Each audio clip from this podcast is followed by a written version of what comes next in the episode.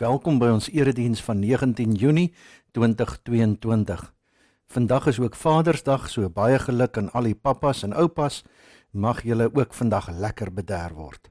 Kom ons word stil voor die Here. Soos 'n vader hom ontferm oor sy kinders, so ontferm die Here hom oor die wat hom dien. Amen. Ek groet julle in die naam van die Vader, die Seun en die Heilige Gees. Vrede vir julle. Ons Vader wat in die hemel is. Dankie dat ons U Vader kan noem. Dankie dat ons soos Jesus kan sê Abba. Dat ons kan weet U is vir ons lief. So lief dat U U alles vir ons kom gee het sodat ons ten volle kan leef. Help ons o Here dat ons spesiaal vandag ook weer kan besef en onthou wat U vir ons gedoen het. En help ons dan Here dat ons van ons kant af weer ons alles vir U kan gee. Amen. Ons lees saam uit Deuteronomium 6. Deuteronomium 6 van vers 1 af. Dit is die wet, die voorskrifte en die bepalinge wat die Here julle God my beveel het om vir julle te leer, sodat julle daarvolgens kan lewe in die land wat julle in besit gaan neem. So sal jy die Here jou God jou hele lewe lank kan dien en gehoorsaam wees aan sy voorskrifte en gebooie wat ek jou gegee het, jy en jou hele nageslag. En dan sal jy 'n lang lewe hê. As jy luister Israel en as jy gehoorsaam is en lewe volgens my gebooie, sal jy voorspoedig wees en uitermate baie word in die land wat oorloop van melk en honing. Dit is wat die Here, die God van julle voorvaders jou beloof het. Luister Israel, die Here is ons God. Hy is die enigste Here. Daarom moet jy die Here jou God lief hê met hart en siel, met al jou krag. Hierdie gebooie wat ek jou vandag gegee het, moet in jou gedagtes bly. Jy moet dit inskerp by jou kinders en met hulle daaroor praat as jy in jou huis is en as jy op pad is, as jy gaan slaap en as jy opstaan. Jy moet dit as herinneringsteken vasbind aan jou hande en dit moet 'n merk op jou voorkop wees. Skryf dit op jou deurkusyne en op jou stadspoorte. Tot sover. Dis eintlik baie goed om 'n man te wees. Dit baie voordele. Hoekom? Telefoongesprekke neem 30 sekondes.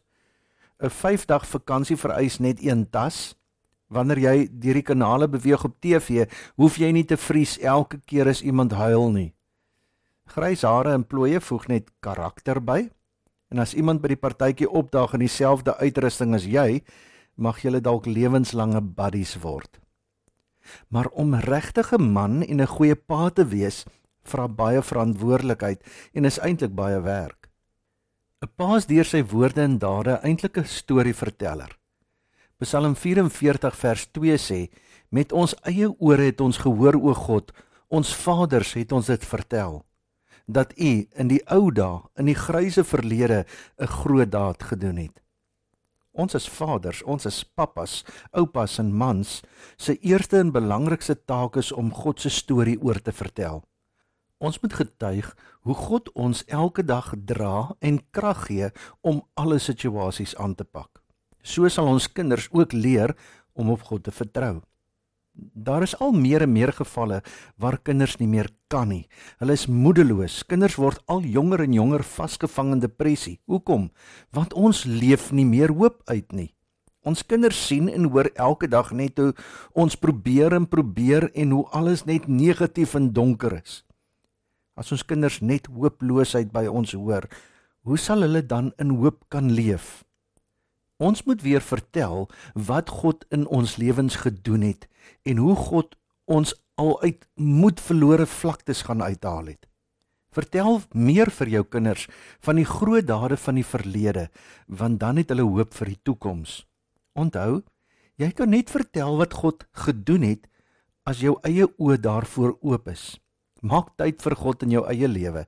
Jou ore moet naby aan God se hart wees. Ons leer ons kinders.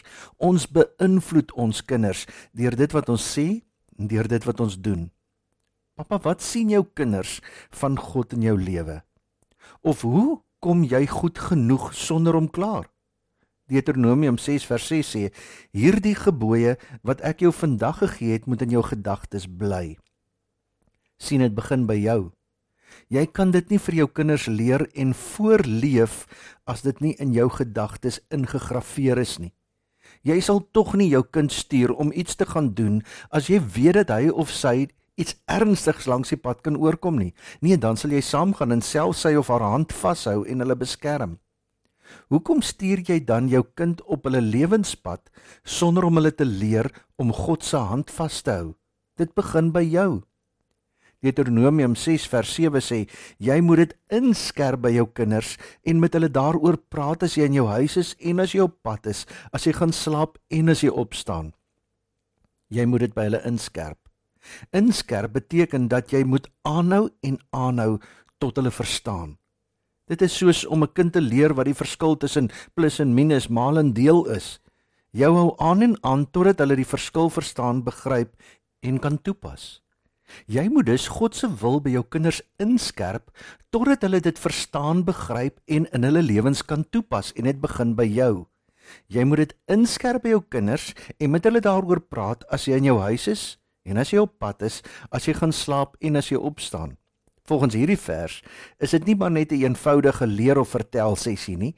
Jy moet dit by hulle inskerp wanneer as jy in jou huis is en as jy op pad is, as jy gaan slaap en as jy opstaan.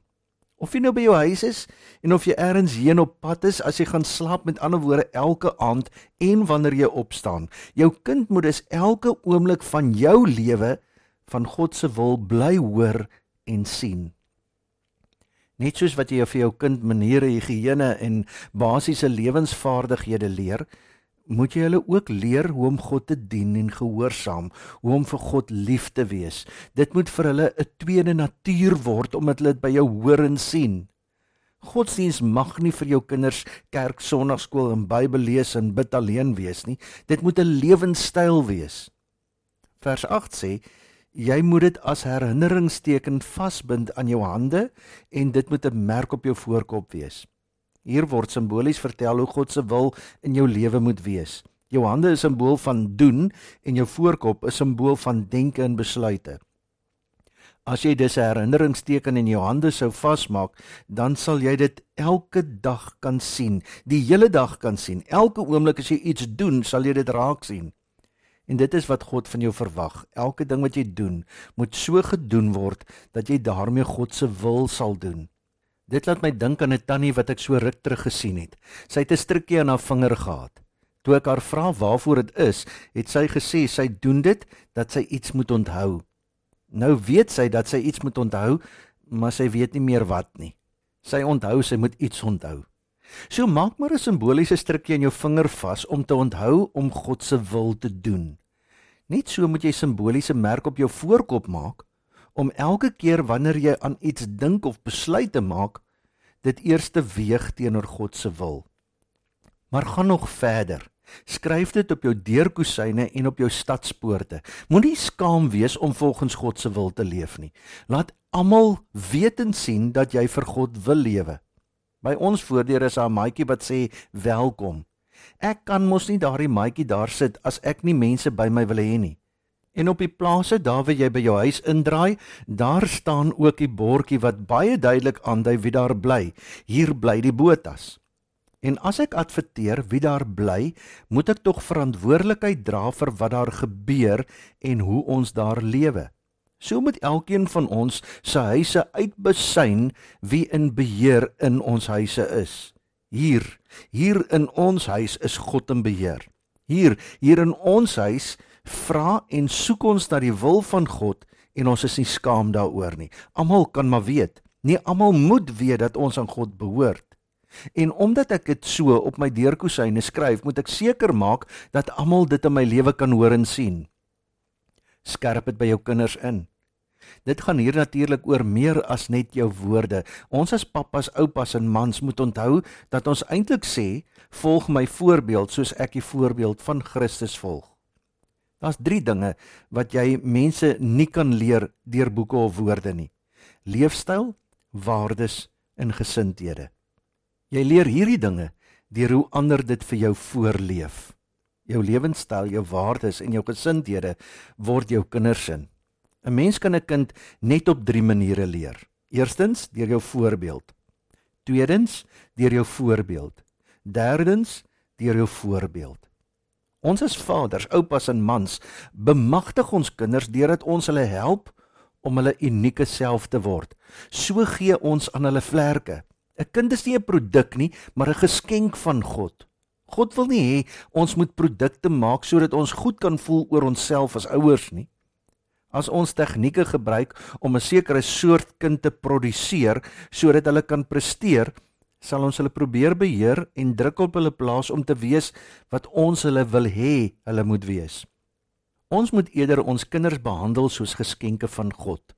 Ons sal dan dankbaar wees vir kinders wat word wat God bedoel het hulle moet wees. Kinders wat God se wil in hulle lewens uitleef.